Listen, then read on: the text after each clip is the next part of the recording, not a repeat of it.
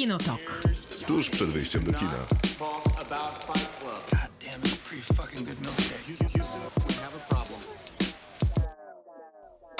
Krzysztof Majewski. Miłosława Bożek. Maciej Stasierski. Dobry wieczór, to program Kinotok, który jutro będzie podcastem. Kinotok Podcast, tak należy szukać nas na mediach społecznościowych, czyli na Facebooku, gdzie co tydzień w piątek e, w różnych godzinach pojawia się cykl w robocie. W tym cyklu pytamy was o filmy i seriale w jakimś kontekście. Tym razem pytaliśmy o wasze ulubione filmy i seriale z lat 90. No i mam Ale wrażenie... użyłeś tam słowa VHS i wszyscy się skupili na tych VHS-ach. Tak, dokładnie. I Na być tym może- i ogólnie na takich rzeczach. I podoba mi się to, Też mnie... że nasi słuchacze wybrali sobie Tę to drogę. i się skupili na nim. To prawda, nie ale będziemy musieli niczego rekomendować nareszcie. Tylko będziemy wzruszające historie o VHS-ach opowiadać. Właściwie to ja też poszedłem tą, e, tą drogą, też, być może ja podświadomie też. i mam same opowieści z wypożyczalni kaset Wspaniale. wideo. To jest właśnie... Of course. W tym historię mojej kuzynki, ponieważ jest najlepszą historią, jaką słyszałem o wa- Ale to VHS-ach się wydarzy dzisiaj na antenie, mam To- nadzieję. tak, oczywiście. Dobrze. Mm, Tak, więc Accepted. to mamy załatwione. W robocie tak właśnie wygląda. Wasze głosy pojawiają się na Facebooku, później pojawiają się na antenie radiarami w naszym podcaście, później dokładamy swoje głosy. E, Czasami wspominamy, czasami dzielimy się historiami z kin, wypożyczalni, czasami po prostu mówimy o filmach czy serialach, które wszyscy widzieliśmy, albo nie wszyscy. No Opowiadamy sobie o tym, co zrobiło w danej kategorii na nas wrażenie. Poza tym w tym programie i podcaście recenzujemy filmy. Dzisiaj też będziemy to robili i mam wrażenie, że dzisiaj to możemy powyciągać e, metaforyczne noże przy niektórych Na tytułach. pewno. Na pewno. Ja już się nie mogę doczekać, jak będę z Maćkiem walczyć. Y- Psie pazury w zeszłym tygodniu z wami i myślę, że w tym tygodniu z Maćkiem troszkę się pokłócimy o powrót do tamtych dni. Powrót do tamtych dni to recenzja, od której zaczynamy. e, Filmu wyreżyserowanego przez wrocławskiego reżysera Konrada Aksinowicza. Jesteśmy podcastem i radiem z Wrocławia, więc to dla nas ważne, że zajrzeliśmy na szczepień, w- zwłaszcza w latach 90. W roli głównej Maciej Sztur, jednej z dwóch Myślałem, głównych ja. ról, bo w roli Myślałem, głównej... ja, Nie, naprawdę. Maciej, ty będziesz w roli głównej recenzenta, a w roli głównej to w zasadzie Teodor Koziar, który wciela się w młodego reżysera, bo to taka autobiograficzna historia. Następnie będziemy zajmować się West Side Story. Steven Spielberg chciał bardzo powrócić do lat 60., ponieważ był to ulubiony film jego ojca. I dzisiaj się dowiedziałam, No słuchając jakiegoś wiedziałem tego. podcastu z nim, że jego ojciec, uwaga, żył 103 lata. O, nie wiedziałem. Żył, no ja też tego nie wiedziałam, żył też w trakcie już kręcenia West Side Story. To był film, który wspólnie Musiało oglądali tak i przeżywali. I na tablecie oglądał różne nakręcone sceny. No i z przykrością Steven Spielberg opowiadał o tym, że nie dożył, ale wiedział, że syn spełnia jego największe marzenie, czyli opowiedzenie tego filmu na nowo. Więc myślę, że to już jest jakiś taki punkt wyjścia do Ale całej to z tej takich smutnych historii to tak samo- Spielbergowskiej klasy. To tak samo niestety się zakończyła jakby przygoda z tym nowym West Side Story autora, auto- autora Mhm. słów do wszystkich piosenek oryginalnego musicalu, czyli Stevena Sondheima, który też oglądał już nawet Proces. chyba pomontowane West Mhm. Side Story i oglądał te, te zdjęcia, no ale niestety zmarł, nie wiem, dwa miesiące temu, Tak. jakoś niedawno, ale, ale z tego, co Spielberg mówił o, z kolei na premierach tego filmu, które się tam odbywały w Nowym Jorku, w Los Angeles, to Sondheim rzeczywiście był zainteresowany co najmniej tym, jak to zostało stworzone. A na koniec zajmiemy się trzecim sezonem Sukcesji, która... Bardzo bym chciała zaśpiewać czołówkę teraz, ale nie zrobię tego. Ale Czego? mógłbyś puścić. No sukcesji, bo tak A jak to może mówisz, puścisz później. puścisz później? Nie, no przecież my w, w, w ramie nawet korzystamy z... O proszę, czasami na tym mówimy. Och, Wspaniale. wspaniale. No, widzicie jak jestem szybki? E, w tej sprawie. Będziemy sukcesją zajmować się na koniec. Za moment będzie w robocie, a jako, że to lata 90., to stwierdziłem, że dzisiaj przez cały program gramy 90sy.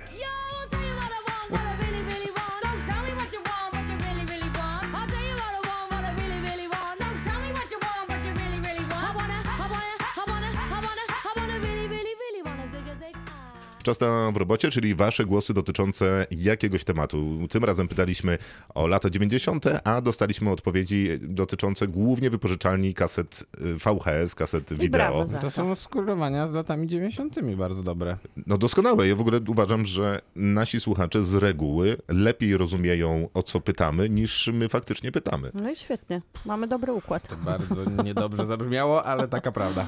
No, pff, niedobrze dla nas Mm, najpewniej, ale świetnie dla naszych słuchaczy. Aleksander, który był wywołany do odpowiedzi tydzień temu, żeby się wytłumaczył z buntownika z wyboru, zrobił to, więc powiedziałem mu, że będziemy polemizować z nim dalej. Więc pisze, że właśnie wysłuchał podcastu, mm, bla, bla, jak najbardziej podejmuje rękawice oceny tego dobrego, aczkolwiek w moim mniemaniu na pewno niewybitnego filmu, jakim jest Buntownik z wyboru, pisze Aleksander. Na wstępie Już zaznaczę, kreślę na, już czerwony długopis i kreślę na rozprawce. bardzo słusznie, Znak zapytania. Podkreślony wybitny. Styl, y, treść, y, coś tam. to nie jest wszystko. Na wstępie zaznaczę to, że nie jestem fanem, nie oznacza, że uważam ten film za zły. W ogólnie przejętym i także w waszym podcaście ocenianiu dałbym mu między 7 a 8 na 10. Niestety zawodzi przede wszystkim oklepany, przewidywalny scenariusz. Historia jest banalna i nie skłania do większych przemyśleń, co 8 na zresztą 10. było... Oklepany scenariusz. Bany w ogóle schematyczny i His- do śmieci. Historia jest banalna i nie skłania do większych przemyśleń, co zresztą było i poniekąd dalej jest znakiem rozpoznawczym wszystkich Oscar baitowych filmów. Przyjmując gastronomiczne alegorie, jest to taki klasyczny obiad, kotlet z ziemniakami i mizerią, który mimo że smaczny, nie zasługuje na gwiazdkę Michelin. Mam nadzieję, że podciągnąłem się z oceną chociaż na 4 minus. No nie. Ja nie wiem, bo ja chyba spaliłam tą pracę w szale. Mam I nie mam właśnie- gdzie wystawiać oceny. Sparaliżowało mnie właśnie z lewej strony, wszyscy widzą. Maciej jedzie na ostry dyżur, a Tak. tymczasem, no nie, Muszę się napić. Niestety. Wody. Niestety nie możemy powiedzieć, że to jest Oscar baitowy film. Nie jest. Nie, nie, to przecież jest film zrobiony z jakby z przyjaźni Oddychaj. dwóch ludzi młodych, którzy nie mieli nic wspólnego z Oscarami. To Myślę, był Ben Affleck i Matt. Damon Tak, i i- dopiero wspólne z Oscarami mieli, kiedy odebrali scena, e, Tak. Oscara za scenariusz. Przewidywalny. I, opowia- Festiwal teatryczny i do śmieci. I Aleksandrowi i wszystkim innym ja polecam jak zawsze obejrzenie tej ceremonii, te, tego fragmentu ceremonii, kiedy oni odbierają tego Oscara za scenariusz. To jest najbardziej szczere, uczciwe cieszenie się jakąkolwiek nagrodą, jakie widziałem na scenie takiej globalnej. W No sensie, że on jest się szczery i cieszyli. To takie clickbaity, to jest jak ten film się nazywał, co? I wszyscy się cieszyli, że oni też wygrali. Green Book. Też mam takie wrażenie, bo to była przecież osobista y, historia, taka z I potrzeby serca taką, dwóch że, kumpli. Że to jest A jak też fajnie- pamiętnik, który napisał życie, chociaż to brzmi A trochę też fajnie, jak bo ja Oscar, pamiętam Oscar ten, ten Oscarowy klip też z tego powodu, że wręczali im z kolei nagrodę też taka para przyjaciół aktorów, czyli Jack Lemmon i Walter Matthau, czyli aktorzy, którzy jeden z nich zmarł chyba w ciągu roku, drugi tam w ciągu dwóch czy trzech lat od tej ceremonii.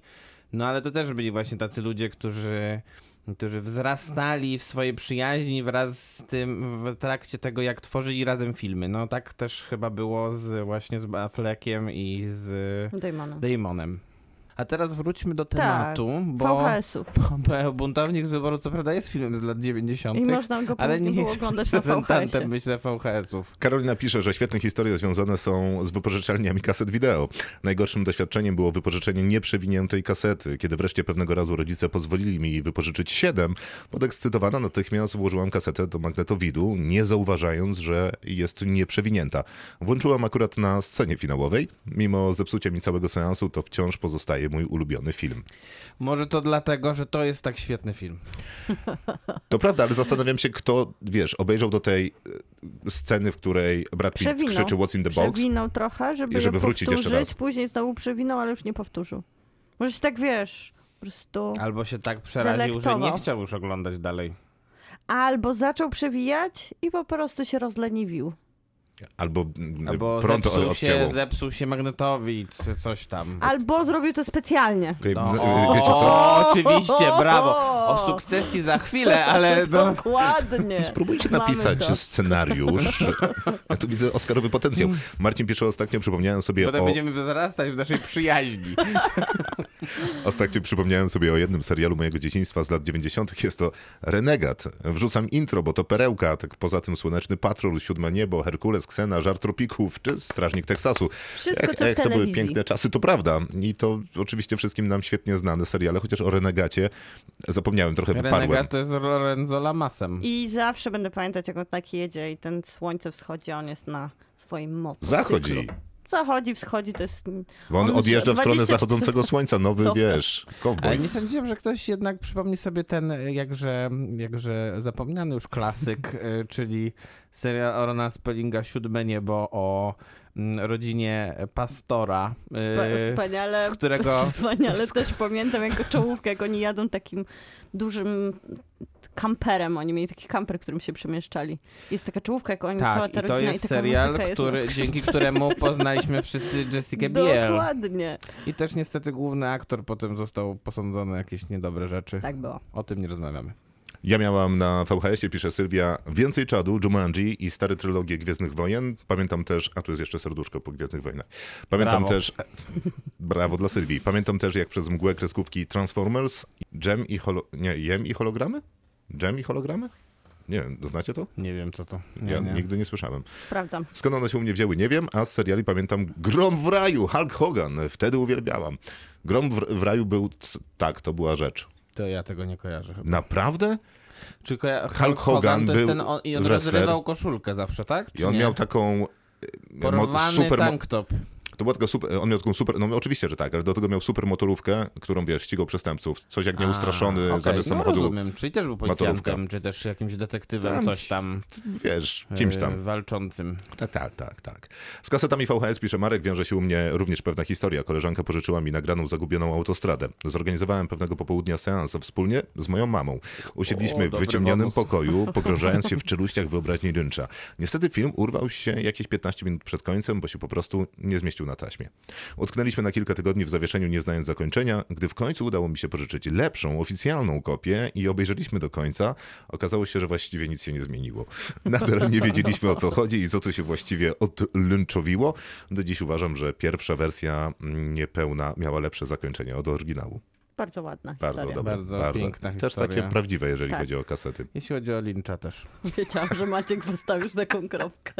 Nie, Tomek. nie, żeby nie było, ja naprawdę kocham Davida Lyncha, No ale już. nic, nie rozumiem w ogóle jego filmów, Ja tak myślę, samo jak on, on. też nie rozumie No dokładnie. świetnie Napisał się bawią. książkę o tym, jak tworzył swoje filmy. Jego najsłynniejszy cytat dotyczy tego, że przecież filmów nie trzeba rozumieć. Jedyny film, który on sam rozumie swój, to jest chyba ten, gdzie facet jeździ Prawdziwa na tej... historia. Na Dokładnie. na tej, tak, Nie, pra- na tej, tej, prawdziwa historia. na kosiarce, przejeżdża całą. Amerykę. Tomek, z seriali to na myśl przychodzi świetny przystanek Alaska. Nie, to Juhu. kosiarka to była. Trzecia planeta od Słońca, Mały rewelacyjny sitcom. Skrzydła, choć przyznam, że był raczej taki sobie. Ja nie znam. Znacie Skrzydła? Nie Tak. znasz, to było o tym, o poczekalni w tym, na lotnisku. Dokładnie. A, komediowy nie, dobra, sitcom, to przepraszam. Klasyk. Nawet nie wiedziałem, że to Nie wiem dlaczego wszyscy mi się wydaje, że mieli tam długie włosy, ale chyba mieli czapeczki Mogło baseballowe. tak być. Nie, nie, raczej długie Ale włosy, coś możesz tam mieć jest rację. takiego, nie? I Takie tam mam znani, wspomnienie. znani aktorzy tam grali. Bardzo.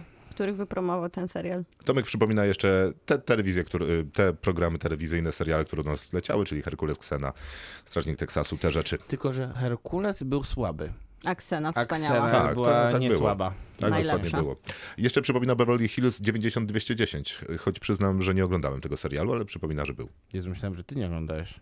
Nie no, ja ogl- ale no, nikt nie oglądał całości. No tak, Prawda? to prawda. No ale to też ciężko mówić o latach 90., żeby coś można było zobaczyć w całości, jeżeli nie miałeś mnóstwa kaset wideo, żeby nadrabiać te odcinki, które poleciały. Ale nie wiem, czy Dlatego nawet te były dostępne seriale- te seriale. Dlatego te seriale też miały taką... nie, nie, no to trzeba taką op- nagrywać było z telewizji. Tak. A, no to W tym sensie, że też nie musiałbyś ale tak mieć się nie pokój robiło, osobny myślisz? dla Beverly. No, robiło się, Każdy tak ale robił. Nagrywałeś później następne odcinki. No, zagrywałeś tak, jeden odcinek drugim, tak, tak, Więc jak no coś tam, wiesz, nie wyszło, no to się gdzieś... No ale też te seriale miały taką narrację, że jakbyś Że nie nie, zobaczył jednego, trzech, dziesięciu sezonu, nic się nie stało. Mm, tak. Darek pisze, że w 1990 roku poszedłem na nieistniejący już targ koło Astry. To dla tych, którzy z Wrocławia to skojarzą. I damyłem za pieniądze od babci moją pierwszą kasetę. Było na niej nagranie e, Polowania na Czerwony Październik. Oglądałem co święta, w przeciwieństwie do Kevina i komentuję, Ach, tak. już nie robią takich filmów. Pierwszy Macie- wpis, który się pojawił, bardzo mnie rozbawił. Nie też, naprawdę, że nie tak Polowanie na Czerwony Październik, wiesz, drugi dzień świąt. Mhm. Maciek Przystalski, y, również tutaj ramowy speaker, opowiada o tym, Speaker. że chodzi... Speaker, ładne słowa. Tak Od jutra mówię na niego speaker. Sznuk i, Maciek i- Przestalski, Speaker. speakerzy Boże- radiowi, Bożena Walter. Polskie Radio. I mówił o tym dzisiaj, że na Placu Wolności też był taki wielki targ i tam się przynosiło swoje kasety i wymieniało się za VHS-y z kimś. Musiało być duże zaufanie wtedy, że mówiłeś tutaj właśnie mam na przykład Renegata nagranego, chociaż to się Jak nie tak nagrywało. speaker mówi, to ja uważam, że to jest prawda. tak. On jeszcze wtedy pewnie nie był Maciek, speakerem, chociaż nie wiadomo. serdecznie.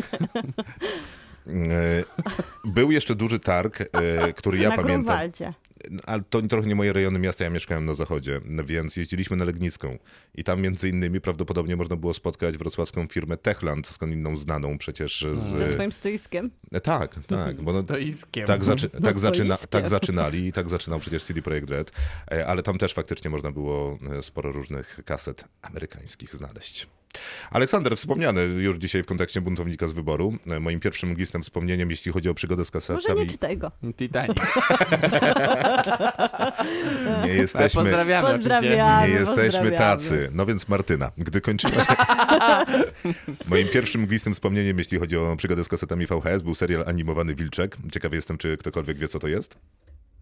Nope. I ja nie wiem. Sprawdzam. Mogę go ominąć, nie? A poza tym y, to wszelkie maści klasyki horrorów od Hellraisera po laleczkę Chucky, które jako 9-12-latek y, chłonąłem jak gąbka, zdecydowanie odcisnęło to piętno na mojej psychice. No i teraz wiemy, dlaczego nie lubię buntownika Mhm. z wyboru. Ehm, To, Marty... to dopiero były, to, to, to były za to nie te nie schematyczne i nie tak, tak zaskakujące scenariusze Oj, mocne. Maciek. Martyna... nie, Przepraszam. nie bądź małoskowy. Martyna wspomina y, Fight Club y, Matrixa. Gdzie jest muzyka z sukcesji teraz? No, już sekundka. Księżniczkę łabędzi Przepraszam, killera. przepraszam czy, wy, czy przy, przeczytałeś w jednym zdaniu Matrixa, co to było drugie? Księżniczka łabędzi. A w czy, pierwsze? Fight Club. Fight Club Matrixa i Księżniczka Łabędzi. Znaczy tu, To jest taka... Kasety miałeś, To jakie jest top miałeś w domu. Dobra, e, żeby była jasność, Martyna tłumaczy, dlaczego s- są te wybory, ale te tłumaczenia są co najmniej dwuzdaniowe, a kończy nam się czas. No i co I teraz? co teraz? Co to znaczy? Musisz, musisz nam wytłumaczyć.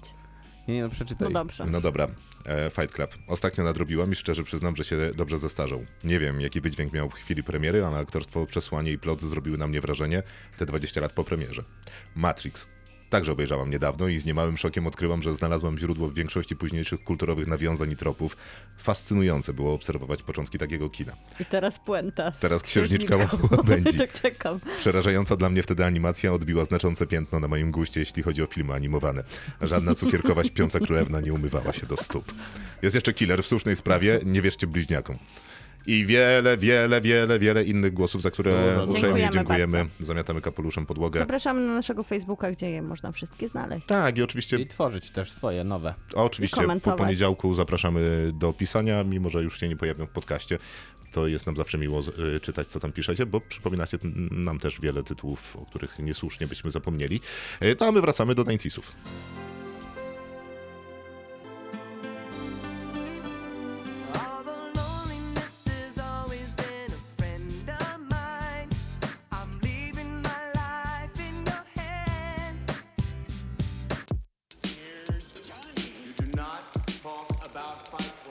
Kinotok. Film.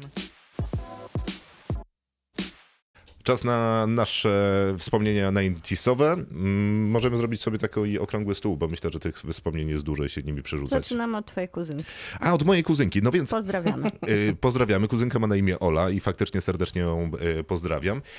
I ona, tak jak i sporo osób u mnie w rodzinie, lubiła filmy. No i kiedyś takim dosyć naturalnym wyborem pozyskiwania nowych, starych, różnych tytułów była wycieczka do wypożyczalni kaset wideo.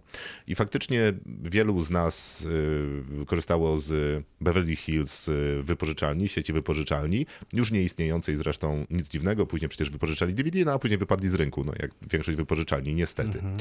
Natomiast Tylko było... Netflix sobie poradził. Tak, Jako wypożyczalnia, bo w sumie tak zaczynali.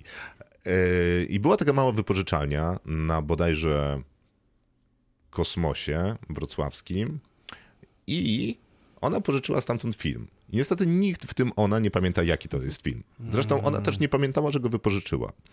I bardzo długo go nie odnosiła, ponieważ chyba w międzyczasie była akurat w Stanach Zjednoczonych przez więcej niż rok. I kiedy wróciła, to poszła do wypożyczalni wypożyczyć sobie film. I dała kartę i okazało się, że ten pan cały czas nalicza jej tę karę. Więc Y, To dużo było? 3000 złotych. Ale to wtedy to musiało być jakieś w milionach chyba w latach 90. Były absurdalne pieniądze, Po ponieważ, denominacji może Potem- było. ponieważ regulamin tej wypożyczalni mówił tak, że jeżeli mamy tę Nie wiem, czy pamiętacie, tam były hity, super hity, Tak, super tak. premiera. No to to był Dokładnie. super hit, super premiera, coś tam, coś tam, więc był tam najdroższy, więc chyba tam 12,50 za te dwie doby, czy ileś tam. No i pan narzędziczał 12,50 za ka- Każdej doby. Tak. Wow. I tak mu No wyszło. sobie naliczył. Ale zapłaciła? Tak. Ale e, dogadali się, jakie, znaleźli jakieś polubowne rozwiązanie i skończyło się To jakoś chyba na 100 1000 złotych. nie, chyba nie, poważne to były pieniądze. To no dobra, myślę, że to no był trzy- 1000 złotych. No to tysiąc to na pewno lepiej brzmi niż trzy. Tak, tak, no to Huch, mocno bym powiedział. mocno, no.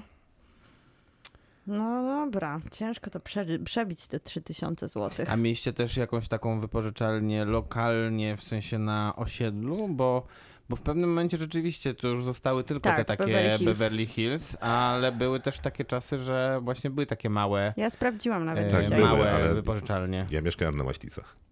A, to Ja mieszkałam... Część Wrocławia zrozumie, ci, którzy słuchają podcastu poza Wrocławiem, to ja nie wiem, co to będzie w Warszawie. Gdzie się tam zajmował, zatrzymywał autokar? e, W, mm, Mm, nie wiem. nie pamiętam, no ale no, mocne obrzeże. Ja mieszkam w Wilkowicach na małej wsi, gdzie nie było nic, nigdy, co mogłoby w ogóle przypominać wypożyczalnię kaset wideo, ale jeździło się do Bielska. Dzisiaj sprawdziłam specjalnie ulicę, jak się nazywała i był to Blaszak tak zwany, czyli Ulica? właśnie... A nie. Nie, Blaszak taki Stojałowskiego się nazywała ulica, po, pozdrawiam wszystkich bielszczan. I tam był taki klasyczny z lat 90., wiecie, Blaszak, czyli taki budynek z dziurą w środku. Ja dalej analizuję Bielszczan, szczerze mówiąc. Bielszczan, tak. I na piętrze była tam wypożyczalnia kaset wideo, taka, do której często amerykańscy reżyserzy kina niezależnego wracają w tak. swoich filmach. Taka, wiecie, wyłożona takimi dywanami, które zmieniły się już w taki, taki dosyć nieprzyjemną przestrzeń, po której się chodzi. Zapach tej wypożyczalni też miał taki bardzo skondensowany był. I zawsze był tam właśnie taki prawdziwy geek, który pracował z miłości do kaset wideo, a nie z nie dlatego, że było tam tak pięknie. Wymyśliłaś go. Nie, naprawdę tak było. I on zawsze miał też uruchomiony jakiś film, który oglądał. Też te blaszaki miały to do siebie, że, albo przynajmniej ta wypożyczalnia, przynajmniej tak to pamiętam, że tam było zawsze ciemno. Okej. Nie wiem nawet, czy tam po prostu były fizycznie okna. Ja chyba, nie, ja chyba nie mam takiego wspomnienia, ale to mogło nie Ale być okien. Mogło nie być okien, więc zawsze były dobre warunki, żeby oglądać te filmy dla pana, który tam pracował. No i też miało to taki swój klimacik. So, tak, to była moja wypożyczalnia kaset wideo, ale ja też, słuchajcie, VHS-y chyba najbardziej kojarzę z filmami dla dorosłych. Nie, no bo ja też, bo w mojej były- wypożyczalni To były jakby 90-210... fundament VHS-ów dla mnie, jeżeli chodzi o moje wspomnienia. Znaczy, to nie są moje wspomnienia, ale jakby po części, bo w mojej wypożyczalni 90-210, zanim byłem jeszcze wystarczająco dorosły, żeby w ogóle móc myśleć o tego rodzaju filmach, mm, to bywałem tam też z rodzicami, wypożyczając tam Toy Story czy coś tam. E, I tam był taki dział filmów erotycznych Mhm. i on był Tak, broniony. za drzwiami był. Nie był za drzwiami. Nie? Był w takim malutkim pomieszczeniu wydzielonym jakby półkami dziwniej. z kasetami, a na straży tego y, wydzielonej przestrzeni stał stand, czyli taki tekturowy wycinę, wycięty, Darth Vader z napisem dział erotyczny na klatce. Pomysłowe. Niezłe, no. Też to zrobił jakiś geek z miłości do, do filmów.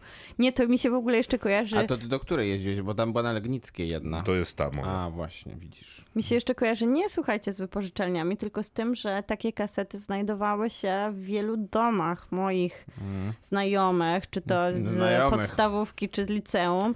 I wszyscy mieli świadomość, że gdzieś jest któraś kaseta z nagranym takim filmem, oczywiście podpisana właśnie Gwiezdne Wojny albo Titanic. nie, nie, to ja I to była w ogóle znalazłem... główna zabawa, żeby odnaleźć kasety wideo, które w domu Maciek udają znalazł. normalne. Nie, nie wiem, czy powinienem o tym opowiadać, ale kiedyś znalazłem Ja, czy pozdrawiamy twojego ojca? kasetę. tak, pozdrawiam mojego ojca. Kiedyś znalazłem kasetę z mm, może- Emanuel. O, klasykiem, no. ale to taki film artystyczny Taki nawet. artystyczny, soft, e, erotyczny Mhm. film, tak. I A gdzie znalazłeś? Bo to może być No klucz właśnie. do tej właśnie, historii. co ciekawe, nie była za bardzo ukryta. No ale właśnie to, to jest ten najbardziej pomysłowy element, żeby podpisać ją no, tam jakoś tak. Były popro... Ale nie, bo to ona była, to była oficjalna, A, to była taka oficjalna. z okładką i w ogóle, nie, nie. To nie, że było nagrane z telewizora. Okej, Nie, albo nie, to była poważna sprawa. po... Poważna sprawa, naprawdę. Bo w tych sprawach to się e, odpalało telewizja RTL. Nie wiem, ale któraś na pewno i po 23.30. Jest- Yy, tak. Ja słuchajcie, nie miałam już o tym wspomniałam, że urodziłam się na wsi, nie miałam wypożyczalni, nie miałam też Kablówki. nie miałam telewizora, za bardzo nie miałam odtwarzacza kaset wideo i ogólnie cała moja przygoda w dzieciństwie odbywała się na zwiedzaniu domów innych ludzi i wykorzystywaniu A. ich sprzętów. Więc wszystkie te historie to- o nagrywaniu, o tym, że się wiecie, ma taki super profesjonalny magnetowiec, że właśnie jest to jezioro marzeń i nie można go zobaczyć można wsadzić kasetę i nagrać ten odcinek, to wydawało mi się po prostu Ameryką. Pozdrawiam Myślałem, że magnetowid to było jezioro marzeń. Nie, ale bo my mieliśmy też specyficzny układ jakby w pokoju, to znaczy był jeden telewizor mały Mhm. i obok niego był drugi. I nigdy nie wiedziałem dlaczego tak było, ale potem się okazało, że ten drugi był na, e, Nagrywanie. na baterię. O, wow. W sensie to był taki czas, że, były, że miało się telewizory y, nie tylko na prąd, ale żeby jak na przykład prądu nie było, a takich czasy, a w latach 90. mogło, może było, pewnie było więcej takich momentów, kiedy nie było prądu, wody i takich różnych rzeczy. Rozbudujemy To, opowieść o, o Polsce lat to był 90. ten drugi telewizor i kiedyś, pamiętam, go strąciłem nogą i już potem go nie było. Znaczy to jeżeli rozmawiamy o telewizorach i latach 90., to wtedy gdzieś zaczynała się ta rewolucja kinoskopowych telewizorów, które lądowały na śmietnikach i zaczynały Mhm. się coraz bardziej płaskie telewizory. Ale póki jeszcze były kinoskopy, no to mówiło się, że telewizory no, emitują tam niepotrzebne Wiadomo. fale. Fale, fale. Więc jak jeden mąż, wszyscy, w tym u mnie w domu, mieli taką. Przesłonę taką z przodu. A, tak, przesłony się Nie. zdarzały. My nie doczekaliśmy się przesłony. Ale nie, stawiał się kamień taki Nie. różowawy. I on miał rzekomo chłonąć te fale. I kiedyś rodzice. Wspaniale, ale on musiał stać w jakimś konkretnym miejscu. No, obok telewizora, że no. był obok A. telewizora. Ale to, póki był kineskop, to dużo osób ustawiało na kineskopie. Zresztą tam Okej. też często była y, przecież hap... Kryształ. kryształ. Kryształ, który chłonął fale. To ja nie słyszałem o tym. Ja też nie, a Ja powinnam. myślę, że ktoś niezłe, niezłe pieniądze na tych kryształach tak. zrobił. I to znaczy, to było jakieś takie kwarcowe coś. No na pewno. E, no i cze- często na kineskopach przecież też leżały te mm, takie A co mieści na tych obrusiki kasetach wideo? malutkie. Ja miałem tej story, które dostałem na urodziny. Mhm. I to było to drugie tej story. To był mój absolutnie uwielbiany przeze mnie film animowany. A następnie ktoś na tym nagrał coś. Naprawdę? I teraz muzyka Ale na takim, szybciej. orygina... Przypadkiem. Ale na takim Ktoś już się oryginalnym... znudził twoim oglądaniem Poczekaj, tego w kółko. Więc moja ulubiona bajka to było Toy Story, Ale na takim oryginalnym? a Czy- później ktoś nagrał to coś na tym. Tak, oryginalne, no. Takie zupełnie oryginalne. Nie, no to fatalnie, że ktoś coś nagrał na tym, bo to... Bo Ale ja- do dzisiaj nie zawsze wiesz, kto? się, A to nie było tak, Nikt, że nikt się te... nie chce przyznać. A to nie było tak, że te kasety, bo kaseta wideo miała taki, taki dinksik, który jak się urwało, Mhm. to nie dało się już nic na tym nagrać, pamiętacie? A, I Ja te, tego nie I te kasety, ym, które były właśnie takie Chyba oficjalne, to chyba właśnie miały to pourywane, żeby nic na tym nie nagrywać. Albo może ja coś mówię źle. wydaje mi się, Bardzo że było parę typów kaset przede wszystkim. A no to na pewno. Że VHS to też wcale nie był taki domyślny co ci format. Zresztą nagrano? Cowboy Bebop przecież wraca się na ziemię po to, żeby tak. mieć odpowiedni Już jest magnetowid do innej kasety. Co ci nagrano? Nie, pamiętam właśnie, Okej. ale ja nie wiem, czy ta, ta kaseta nie leży gdzieś w domu, więc to jest do sprawdzenia. Okej. Ty Maciek, co miałeś? Co miałem na kasetach No, wideo? tak żebyś pamiętał. U moich dziadków miałem nagrane wszystkie odcinki Bill Cosby Show, więc nie wiem, czy Wow. warto o tym teraz rozmawiać. Nie, niekoniecznie. Natomiast pamiętam, że kiedyś jak ym, postanowiliśmy... musiało być sporo kaset. Postanowiliśmy... No dużo. Mój dziadek też No. był Jakaś bardzo taka taki... specjalna półka Mój, dla... mój dziadek był bardzo, bardzo konsekwentny, Okej. jeśli chodzi o nagrywanie takich rzeczy. Y, Nagrywał też kabaret Olgi Lipińskiej. Wow. Mm, To też była trauma mojego dzieciństwa. Hermetycznie. Wszystko tak, tak. E, Natomiast z takich oryginalnych to pamiętam, że kiedyś z ojcem poszliśmy, zdecydowaliśmy się, że kupimy chyba telewizję satelitarną Na bogato. i do tej telewizji satelitarnej dokładano jakąś kasetę. I, I ja y, dostałem Pocahontas i to chyba ukształtowało moje życie. Czyli jednak Edyta Górniak, tak? Kolorowy wiatr, tak. Wspaniale. Ja nie miałam, zaznaczę, magnetowidu. Miałam telefon na korbkę, który był taki czerwony. Samochód też miałeś na korbkę A, i my- bardzo dużo i- palił. I nie miałam żadnych kaset wideo jako dziecko. Później dopiero jak moi rodzice mieli taki ośrodek, który bardzo pozdrawiam, który się nazywał Bajka w Cygańskim Lesie w Bielsku Białej, to tam był telewizor takim specjalnym, osobnym pokoju telewizyjnym, który był najstraszniejszym pokojem, jaki pamiętam. Nic nie było, tylko stał, prawie. Zawsze były pokoje tylko telewizyjne. telewiz- telewizor tak? i Jak się jeździło do jakichś takich Takich e, dużych ośrodków no. na wakacje. telewizor. No, tak. Okropny, zimny, smutny pokój z tym telewizorem na środku, gdzie zawsze coś skrzypiało wokół, że tak da, dodając upiorności. Tam oczywiście oglądałam Davida Lyncha, ale teraz dopiero Oczywiście. O- Oczywiście, oglądam to ukształtowało moje gusta na- naturalnie. filmowe. Ale słuchajcie, teraz dopiero oglądam Seinfelda. Dopiero zaczęłam, A, jest jesteśmy na Netflixie, jest mhm. na Netflixie i zaczęłam Jestem na pierwszym sezonie. Jest to fantastyczny serial. I to są takie 89 rok zaczęły się zaczęła się ta przygoda komediowa i do dzisiaj to jest zabawne, więc żałuję, że nie miałam telewizji, żeby przeżywać na przykład Ale nie, takich lata- wzorców w amerykańskich. polskiej 90. telewizji nie było Seinfelda. A nie było. Czyli nawet Pol- kasety wideo nie nosiły Przynajmniej, w- przynajmniej, znamion. e, przynajmniej wydaje mi się, że nie. nie. e, e, Jeśli Okej. chodzi o komediowe seriale, to właśnie Ominęło nas Bill to. Cosby Show, opóźniony dużo. W latach 90. jeszcze zostaniemy, bo recenzować będziemy powrót do tamtych dni. Kinotok. Film. No dobra, Maciej, wyjaśniliśmy kwestię e, VHS-ów. Ale to miałem trochę Z racji. pomocą, z pomocą naszych słuchaczy, dziękujemy. Tak, to prawda, w tym dostałem SMS-a z nieznanego numeru z wytłumaczeniem, co to jest, więc był to pewien szok. E, Ale zmieniłem telefon, więc być może część numerów przepadła, więc jakoś właśnie obraziłem, to przepraszam. Pozdrawiam. Jeżeli jesteś bliską osobą. Kasety VHS mają ząbek, który po wyłamaniu zabezpieczał nagranie przed kasowaniem, czyli nie pozwalał uruchomić, uruchomić zapisu. Ale dało się tak, go ale zakleić. dało się zakleić te Taśmą, plastrem co czy dopisu- taśmą i wtedy można było już znowu. Co dopisuje inny słuchacz na Tak naszym messengerze Mhm. e, kinotokowym. Aha, dziękujemy też za te głosy na z kolei Facebooku Radia Ram e, odnośnie świata według, e, nie, wed, Bandy, ba, Bandy. O, Tak. faktycznie. A, no tak. Ale to Klasyk. seriale lat 90., wszystkie alfy i tam inne tak To sobie zostawimy na inny czas. Bo teraz będziemy zajmować się powrotem do tamtych dni Konrada Aksinowicza, który też napisał scenariusz do tego filmu, zresztą jak sam reżyser przyznaje, w tydzień.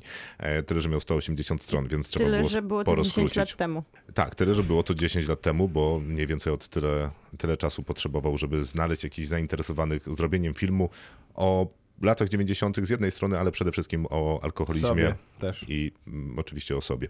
W rolach głównych y, Maciej Sztur jako jego ojciec w tym y, wypadku, Teodor Koziar jako on sam, Weronika Książkiewicz jako matka.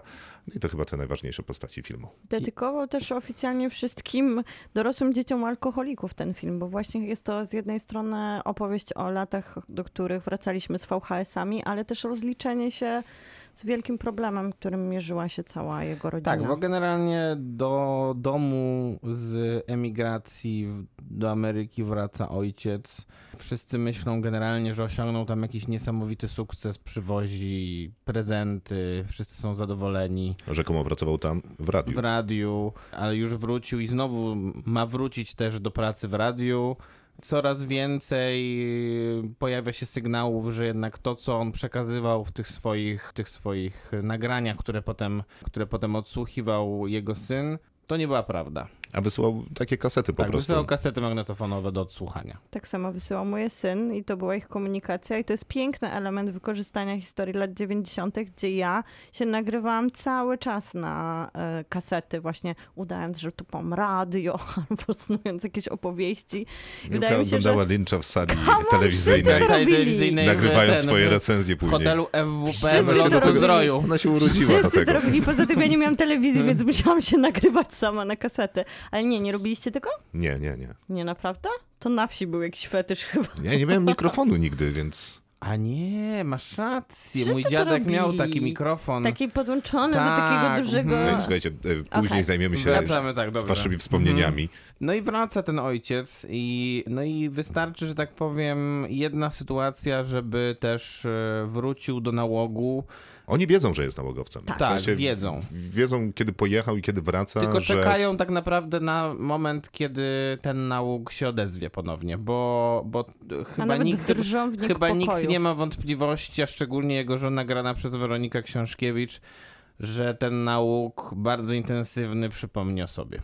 Są dwa tematy tutaj niewątpliwie w tym filmie. No jeden to oczywiście alkoholizm we wszystkich jego wymiarach, no i drugi to te lata 90., o których e, dzisiaj rozmawiamy, od których zaczęliśmy.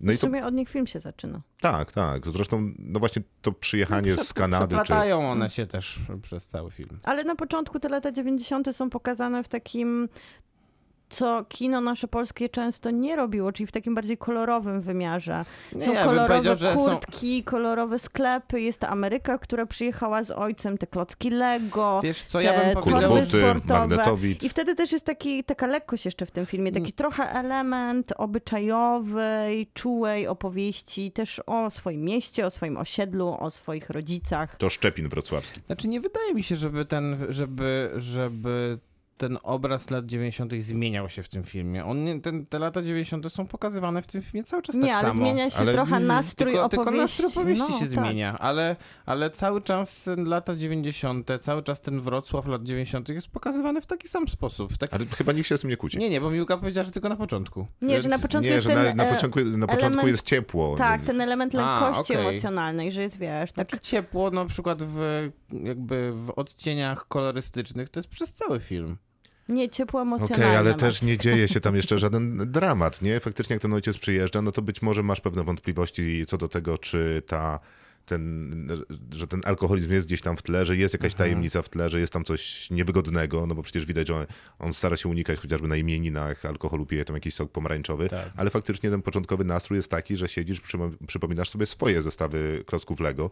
Zresztą gada, gadaliśmy z reżyserem, Mhm. mówi, że to specjalnego kolekcjonera trzeba było wyciągać te zestawy klocków Lego, które A, tam mają. tak. I trzeba Tak. go było przekonywać, że panie, poznasz Macieja No Sztura. właśnie, bo nie chciał najpierw przyjechać na plan. Okej. Znaczy Ale- jednak film był robiony za 15 zł. Tak, tak, tak. Zresztą to widać e, momentami. E, No chociażby kiedy, skoro rozmawiamy o wypożyczalni kaset wideo, no to tam jest wypożyczalnia VHS. No z tym kartonem, na którym ktoś markerem napisał wypożyczalnię kaset VHS, no to nawet twój blaszek pewnie nie wyglądał tak źle. Nie wyglądał Nie. tak źle, nie. Dużo romantyczniej wyglądał. No, ale Ale już ten sklep to mógł wyglądać tak, jak wyglądał. Ten z sklep, Lego? w którym sprzedawane było jednocześnie Lego i magnetowidy. tak, to jakiś Tak. społem był chyba Jakiś, w ogóle. No, taki jakiś, no właśnie, dokładnie, jakiś taki chyba... Natomiast w kostiumie to bardzo dobrze wygląda. Mhm. Te właśnie więc- kolorowe kurtki, Tak. sportowe, kolorowe torby Za z Ameryki. dżinsy. Szczepin też super wygląda, naprawdę dobrze się wstrzelili z produkcją tego filmu, no bo e, Szczepin już tak nie wygląda, bo jest po remoncie. Dokładnie tak, więc dobrze wybrali jednak ujęcia. Tak, tak, tak kręcili, żeby nie było widać, że jest to Miesz- dwu- 2020 czy 2021 rok. Mieszkanie, w którym się znajdujemy cały czas, mieszkanie rodzinne, też ma taki klimat, który ostatnio odczarowywały seriale, czyli na przykład Royce robił te mieszkania takie hipsterskie, takie kolekcjonerskie, więc wręcz PRL-owskie, a tutaj jest dokładnie ten Nie, nie, PRL, jest czyli zabudowa meblościanką i dywany i 16 I, wersalek. i, i, ta, I ta fantastyczna, fantastyczna rzecz, którą chyba połowa ludzi miała na swoich drzwiach wejściowych, czy jakiś taka jakaś taka mata, Szklana mozaika. e, niemalże em, Ta szklana mozaika, o której mówi Miłka. Nie mozaika. No, taka, no takie, takie- szkło lane. Takie A, no tak, właśnie o tym mówię. No to większość ludzi miała też coś takiego na drzwiach swoich wejściowych, nie? Więc no To tutaj prawda. Zresztą też sporo osób miało bardzo, nieprzy, bardzo niepotrzebna rzecz. je, Zupełnie. jakieś plakaty. Tutaj plakat też jest charakterystyczny, ponieważ to plakat Teatru Kalambur, w którym pracował e, ojciec e, reżysera. Z kolei matka pracowała w Teatrze Lalek. Później ojciec zresztą pracował też w pierwszej prywatnej polskiej telewizji, w też takim symbolu lat 90. dla Wrocławia, czyli w Poltegorze wyburzonym już, czyli w telewizji Echo. Mhm. Tam prowadził zresztą program śniadaniowy, żeby było proszę. jeszcze dosyć zabawnie. Nie pamiętam jak się nazywał, ale też Ale miał jest bardzo zabawną dużo nazwę. tropów dla wrocławian, które znajdą tutaj i oglądając te miejsca, w których jesteśmy i faktycznie tą historię rodziny. No aż dochodzimy do tego dramatu, który wydaje mi się, że wiele tych tropów znajdą właśnie dorosłe dzieci alkoholików, ci, którzy mieli w rodzinie alkoholika. Nie musiał to być nasz ojciec, ale wiemy, jak wiele trudności i zmagań ta choroba niosła i tak naprawdę na całe pokolenia i na całe rodziny. No, a jest to o tyle, myślę, niestety, jak to bardzo by brutalnie zabrzmiało, uniwersalne, że yy, no obawiam się, że co drugi z nas mógł mieć, takie, mógł mieć takie kontakty, czy to w swojej rodzinie, czy w rodzinie, nie wiem, kolegi z klasy, który nie pojawiał się przez jakieś tam dni w, w, w szkole, ze względu na to, że właśnie to była oczywiście taka tajemnica Poliszynela, ale coś się, coś się działo w tym Właśnie domu. tutaj to jest Czy być dobrze zarysowane chyba tym osiedlem, że, że to, czy to było osiedle, czy ja jak mieszkałam na wsi, to wszyscy wiedzieli, Jeszcze raz to podkreślmy. Tak, tak, podkreślmy to. To wszyscy wiedzieli w otoczeniu, jeżeli ktoś tak. był skrajnym alkoholikiem i jakby żyli razem z tą rodziną i ich problemami, bo wtedy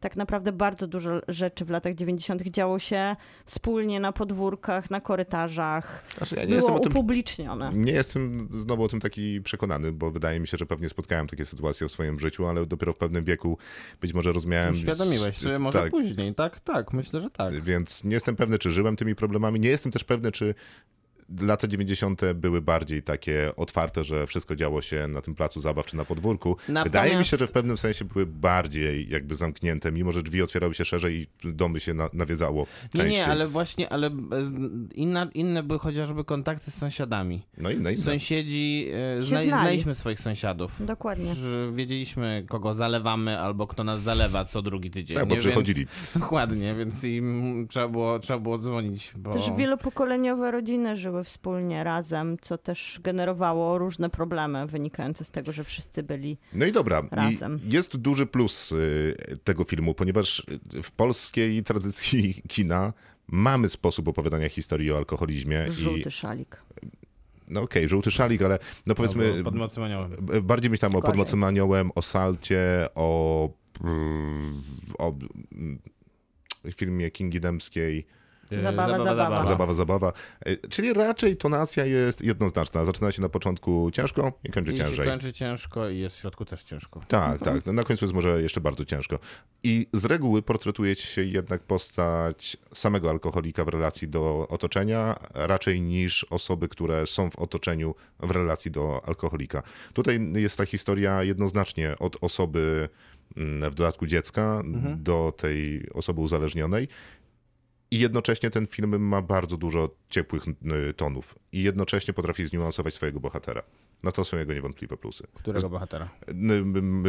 Ojca, czyli Macieja Macieja. Sztura. No czyli... tak, ale to na pewno zasługa, myślę, że w połowie scenariusza, w połowie tego, że Maciej Sztur okazał się być absurdalnie dobrym aktorem. Po ja mu dramatycznym. oddaję więcej niż połowę. Ja mam wrażenie, że to jest prawie tylko i wyłącznie też jego tak zasługa. Troszkę mam wrażenie, że tutaj Okej. Maciej Sztur trzyma to wszystko. On tutaj przyniósł koncepcję, on tego bohatera wymyślił. Znaczy, wymyślił to na pewno scenariusz, ale on go stworzył tak z Stworzył krwi i pewno. kości ze swojego, po prostu ukształtował go ze swojego ciała. To jest bardzo też A fizyczna poza tym rola. no, strasznie odważna rola. Tak. Tak. Strasznie taka... E, e, Potencjalnie dla, dla aktora no teoretycznie właśnie. psująca wizerunek, jakiś taki zmieniająca go zupełnie i, i bardzo taka też do przeszarżowania. Dokładnie. A Maciej Sztur tutaj nie szarżuje nawet przez moment, tylko po prostu w punkt wszystko tutaj jest, jeśli chodzi o jego rolę. Tak, no zresztą wydaje się, że też mu zależało na tej roli, ponieważ no, film powstaje od 10 lat, a 10 lat temu Maciej Sztur już się zgodził na to, że wystąpi w tym filmie i poczekał.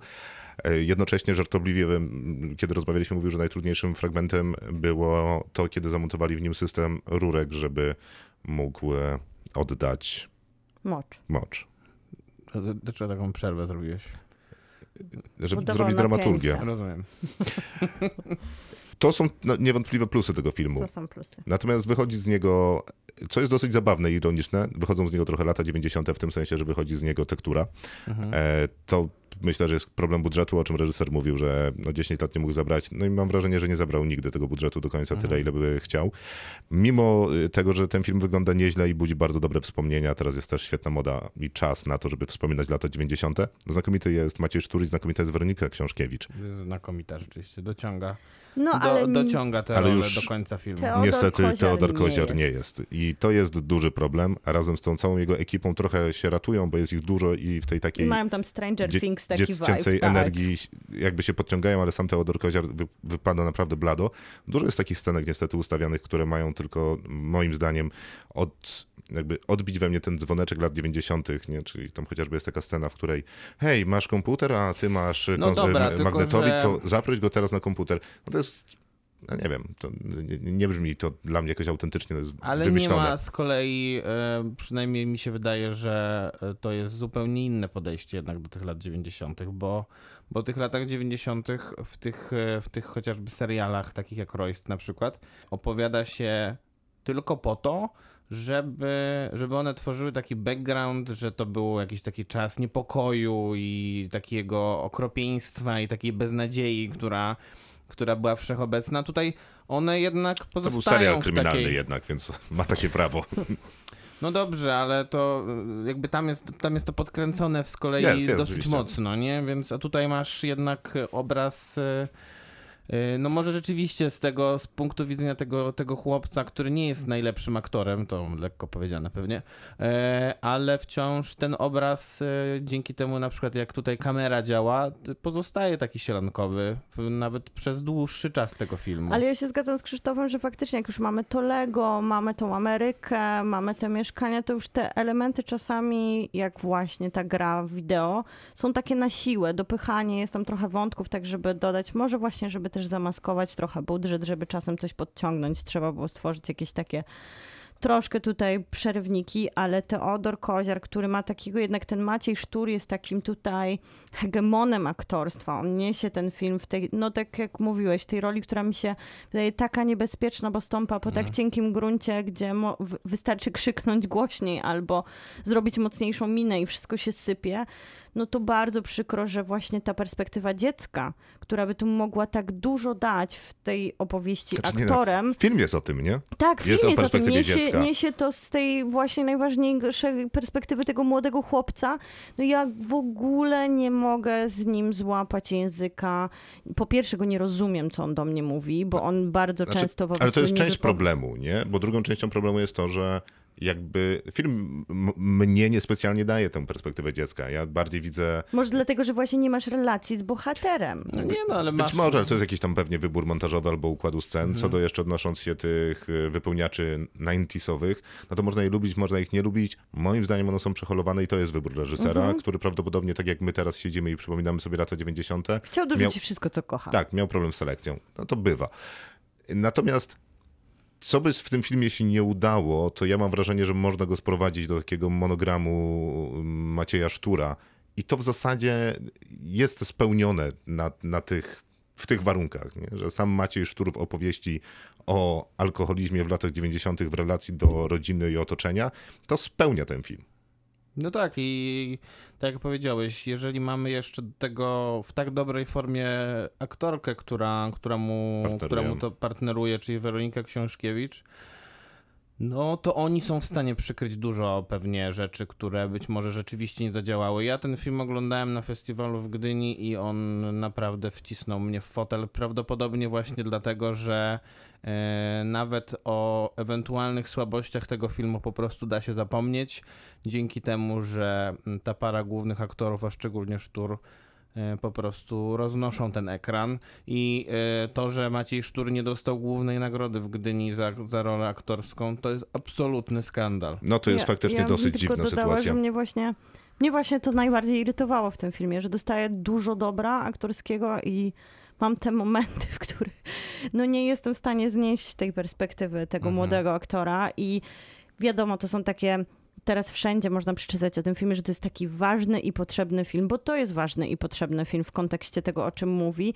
I to zawsze też jeszcze dodaje takiego, trudniej krytykować ważne i potrzebne filmy w No tym nie, ale kontekście. możemy że- sobie nie strzelać w stopę, nie mówiąc, możemy, że coś jest ważne i dlatego- potrzebne. W sensie powinno... Dlatego tutaj ta nierównowaga jest z jednej strony, tak ten temat mnie dotyka, ale też dotyka mnie ta, ten niezbalansowany udział głównego bohatera, który jest nośnikiem wszystkich tutaj emocjonalnych treści. No tak, to jest nieznośne. Natomiast jeszcze odnosząc się do tematu tego filmu, znakomicie, że on powstał, znakomicie, że w takiej tonacji, doskonale, że Maciej Sztur rozpoznawalny w całej Polsce gra e, rolę tak, tego tak. alkoholika i myślę, że bardzo dużo osób będzie się z tym filmem utożsamiać na, obawiam się, że bardzo niewygodnym poziomie, ale dla nich To z prawda. perspektywy rozliczenia to na pewno świetnie, że film jest. Ja bym e, się pokusił... jest też, myślę, zdanie. Dosyć nieźle działający na poziomie empatii, bo y, i znowu mam wrażenie, że to Maciej Sztur ją we mnie Tak. wy, wywołuje bardziej niż reżyser. No tak, Tak. i, y, i y, jakby y, pewnie podsumowując, tak, ja myślę, że ten obraz alkoholizmu, który jest tutaj pokazany, to jest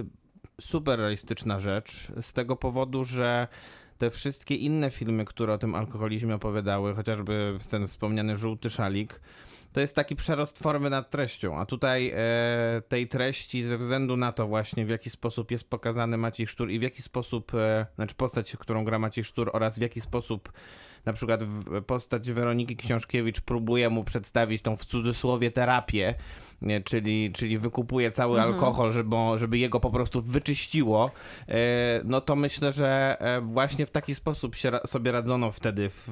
To nie jest jednak e, film o współczesności, gdzie gdzie można, nie wiem, iść na terapię odwykową albo porozmawiać sobie na spotkaniu anonimowych alkoholików. Tak się nie robiło po prostu wtedy. Nie, wtedy Ja- się po ja prostu piło. tylko na E, podsumowaniu dałam, d- d- powiedziała to, że reżyser sam mówił, że spotkał się z przyjacielem, który widział jego film i powiedział, no ty też pewnie tak w domu miałeś. On mówi, nie, ja miałam dużo lżej w domu. I myślę, że tutaj się udało zachować taki balans, że gdyby to lżej pokazać, to można by było przypadkiem gdzieś usprawiedliwiać zachowania bohatera Macieja Sztura. Ale też przez to, że nie był to żółty szalik, że nie był to po prostu ugór tego alkoholizmu w samotności, to gdzieś odnalazł się balans pomiędzy tym, żeby okazać, jak ta choroba jest straszna, ale też jak ludzie w niej uczestniczą wokół. Oceny. Maciek, No pierwszy. ja byłem e, po tym filmie w Gdyni wstrząśnięty i ja pozostaję przy swojej ocenie z tamtego okresu i daję mu 9 na 10. Ja mu daję na wyrost 7, bo jest to coś nowego w temacie. 6,5 bym dała, ale dam 7, Krzysztof. Kinotok. Film. No to Maciej, śpiewaj, śpiewaj ten tytuł. Śpiewaj ze mną. A co mam zaśpiewać? Tytuł. Zatem nie, nie Nawet nie jest wyśpiewany nie ten tytuł. Nie, nie wybrzmiewa ten, ten To tytuł. śpiewaj cokolwiek. Ale West Side Story. Wysłałem ci dzisiaj, nie, chciałem, nie chcesz puszczać. Dawaj, jesteśmy gotowi. Nie, nie będę śpiewał. Patrz, ja robimy ci podcast z Miłką. Ja kiedyś Super to miałem, robimy. a potem miałem. A potem Miłka zrobi chórki. Przeszedłem mutację. Lepiej nie. No dobra, nie będziemy śpiewać. West Side Story, tam śpiewają wystarczająco. Dużo. Dużo, dużo śpiewają. Bardzo dużo śpiewają. Steven Spielberg wrócił do kin. No to jest A? naprawdę wydarzenie. To jest Z wydarzenie z wielkiej litery. Pierwszej karierze, pierwszym w karierze. Ja mam wrażenie, że Steven Zakładam, Spielberg generalnie ma wiele pierwszych razów w swojej karierze. Tak. Opowiadał na przykład dzisiaj, jak słucham o jego ojcu, to opowiadał też, że to jest pierwszy film, w którym musiał robić próby i trwały aż 4 miesiące. To jest To w ogóle ciekawe, jest że... jest faktycznie inne, szokujące. no ale inne podejście faktycznie filmowe, wykraczanie spoza swojej sfery komfortu, no bo film, filmowe próby to jest raczej chyba Trzeba nieznana. skołczować e, Spielberga, wyjść ze swojej strefy komfortu, zostać Ale- diamentem. Ale też mówił, że się bawił najlepiej od czasów E.T. i E.T. tak na niego wpłynęło, że postanowił mieć dzieci i się wywiązał z tej obietnicy, bo ma chyba szóstkę w Teraz tym momencie. kolejne dzieci? E, On ma nie, nie, po, 75 po lat już. E.T. Nie, nie powinien. stwierdził, że tak się Cztery dobrze chyba. bawił i że to był taki wspaniały dla niego film, że go otworzył, a tutaj faktycznie bawił się dobrze, bo myślę, że spełniał to wielkie Że marzenie chciałby mieć dzieci, ojca. żeby miały szansę poznać e, przybysza z innej planety. Bardzo jest to... Ładne. Bardzo. E, Natomiast... A teraz chcę, żeby nowe pokolenie poznało ten stary Tak, musical tak myślę. z lat 50. Wtedy mocny, e, z lat 60. 60. film, 50. 50. musical Broadway, no. broadwayowy. No to wtedy chyba ten wydźwięk był mocniejszy niż e, ten współczesny West Side Nie Story. wiem, aktorzy byli pomalowani farbą, więc A, można ja w wiem. tym kontekście myśleć, że Ci nie są i... i nie mówili w żadnym innym języku niż języku Mówili po białych. angielsku. No, tak. W tym sensie, że opowiadali o historii, która ich nie dotyczyła w żaden sposób. Teraz mamy taką historię, która e, w- w sumie obie są zaczerpnięte, jeżeli dobrze rozumiem, z takiej mm, szekspirowskiej opowieści, czyli No to Romeo i Julia, jeden, Julia jeden do Po jednego. Dokładnie. Tylko w takim trochę innym sztafarzu tutaj dostajemy d, dostajemy Co? Dostajemy dwa Slums. rywalizujące gangi. tak, Dwa gangi rywalizują w- na tak zwane... W tej tylko że jeden tej, gang jest bia, biały, a drugi, drugi jest jest portorykański. portorykański. I rywalizują w części Nowego Jorku, którą, która jest określona jako West Side. No i, O terytorium, tak i naprawdę. walczą tak naprawdę o to swoje terytorium, ale też... W której tak jest stracone, no bo tam Dokładnie. mają być nowe apartamenty. Dokładnie, więc nie walczą, nie walczą o nic No, prawdopodobnie. walczą o nienawiść, ale frustrację walczą o swoją jakby Amerykę. Hashtag godność i, i nie wiem, przewagę jakąś i to, w jaką wizję właśnie mają Ameryki. Myślę, że to nie jest całkiem jednak teraz już też e, Nie jest to, współ... Mm. jest to współczesny temat e, bardzo. staroświeckie i niewspółczesne, no bo teraz w Ameryce też takie Mhm. rzeczy są i teraz takie, takie tarcia etniczne czy narodowościowe pozostają w Stanach Zjednoczonych mocno. Ale co, myślisz, że ktoś po tym seansie będzie śpiewał Amerykę. Myślę, że nie będzie śpiewał. Znaczy, myślę, że jeżeli będzie śpiewał, to będzie super, po pierwsze, bo, e, bo będzie się dobrze bawił na tym seansie, bo po pierwsze, bo wydaje mi się, że głównie jednak e, Spielberg spełnia w tym filmie swoje marzenie stworzenia tego musicalu. On najbardziej kocha West Side Story z, ze wszystkich musicali broadwayowskich. I, e, I przez jakiś czas bardzo mocno się bał, żeby dotknąć ten, e, ten taki No i monument. nie dziwię się, bo jak masz taki wymarzony musical, który kochasz, to ciężko się z tym skonfrontować. A ja bym wróciła do tego, że jak współczesny to jest temat, że faktycznie dzisiaj oglądałam takie zestawienia i West Side Story też z lat 60. i to, to, które oglądamy na ekranach, zaczynają się praktycznie identycznie. Te gangi są praktycznie identyczne, ale wtedy ci biali byli przedstawieni jako taki właśnie trochę jednak honorowy twór, który walczył o jakieś głębsze idee, a tutaj mamy rzezimieszków, Z którzy najpierw strony są wandalami, wandalizują flagę Porto Rico, ale też napadają jakiś sklep, piki, których po prostu pracują normalni ludzie. Czy I po napadają? prostu sklepiki. A W sklepiki. sensie, e, przepraszam, norma- przepraszam. nie napadają bo tylko to- siebie Tak, i nie walczą tylko z gangiem, tylko są po prostu wandalami, są, Tak. są po prostu złymi ludźmi i tutaj żaden z tych gangów nie jest oczyszczony z takiej perspektywy. Jest, Właśnie- z perspektywy społecznej. Ja też miałem takie wrażenie, że zupełnie nie, pa, pałam taką antypatią kompletną do tych przedstawicieli e, tego gangu białych. E, Jetsów. Jetsów, dokładnie. Ale oni są świetnie wytłumaczeni w tej piosence na posterunku, nie? Super. Tak, tak, dokładnie. Super, tak samo jak dostają tutaj głos ten gang Sharksów, czyli ten portorykański Czyli w gang, tej który, pierwszej piosence. tak, który też walczy o, jakby też ma swoje motywacje i wydaje mi się, że największym tutaj takim inteligentnym zabiegiem jest z jednej strony takie bardzo subtelne, ale uwspółcześnienie całej historii, ale oddanie wszystkim bohaterom motywacji, czego zupełnie nie robił Bo musical z lat generalnie 60. musical z lat 60. to był idealny przedstawiciel takiego, tamtego okresu, jeśli chodzi o musicale, gdzie nie trzeba było za bardzo budować bohaterów, tylko oni byli ładnie śpiewać i to miało ładnie wyglądać. Nie, no ale nie róbmy dlatego- żartów, że tu są ci bohaterowie. No oczywiście, że są. Są. Którzy? No, sam gang i Reef, który jest takim przedstawicielem takiej toksycznej frustracji wynikającej z warunków życia i cała jakby ta, ta taka, ta, ta, właśnie ta piosenka na ko- komisariacie tworzy taki obraz ludzi, którzy są już w pułapce swojej rzeczywistości i nie mogą się z niej wydostać. To rozumiem, No, ale to Rick no- jest takim samym bohaterem jak wszyscy inni, którzy z nim tańczą w takim No wypadku. tak, i o to chodzi. No On jest, tak. on, on jest, Bo jest to może mi, czy to, to może ty mi macie wytłumaczyć, bo ty jesteś fanem musicali. Czy w musicalu musi być tak, że jakby są ci ludzie i to jest Mhm. zupełnie nieistotne, co oni robią na ekranie, a później tłumaczą w piosence swoje motywacje i emocje? A to tak jest często w musicalach. Nie, no ja pytam zupełnie nieironicznie. No tak jest często w musicalach. Okej, to być może dlatego ich nie lubię. Nie, dla mnie to jest nieznośne. W sensie naprawdę. No. E, Bo tu, to jest historia miłosna, mówiliśmy, że to Romeo i Julia, więc jest Tony i jest Maria. Tonego gra Ansel Elgort, a Rachel Zegler gra Marię. Mm, e, No i oni mają się zakochać sobie w takim niemożliwym układzie, więc jeden jest z tego Dokładnie. białego gangu, ona No jest tak w, tak jak Romeo i Julii. Romeo i Julii. No, Jeden dokładnie. był Montekich, druga Scapuletti. Dziękuję I Maciej za powrót do gimnazjum. miłość. E, Zawsze warto odświeżyć te lekcje. O. E, I oni mają się w sobie zakochać. Nie wiem, to, to oni się zakochują w sobie w piosence, nie? Oni się mało no, oczywiście, zakochują że w się sobie. zakochują w W sensie to jest jeden mój z niewielu Tak problemów samo do jak było w musicalu, tak samo jak było w musicalu oryginalnym. A, Tutaj, ale to mnie akurat... nie, nie, w sensie wiesz, że tak było 60 lat temu w tym musicalu. I tak było też to nie robi. 500 lat temu w Szekspira. Więc y, y, absolutnie... Nie widziałem, e, nie widziałem na żywo, więc nie wiem. No ale to, to, to jest, jeżeli, jeżeli będziemy, mamy, jak, jak chcemy poprawiać Szekspira, no to już naprawdę gratuluję, bo to, bo to jest Ja duże nie, chcę ryzyko. poprawiać, nie chcę poprawiać Szekspira, ja po prostu nie akceptuję musicalu w takim wypadku, albo tej formy opowieści. Albo może to Krzysztof tu jest problemem, bo ja nie mam za dużo problemów do tego filmu, ale faktycznie nie ma chemii pomiędzy Marią a Tonym.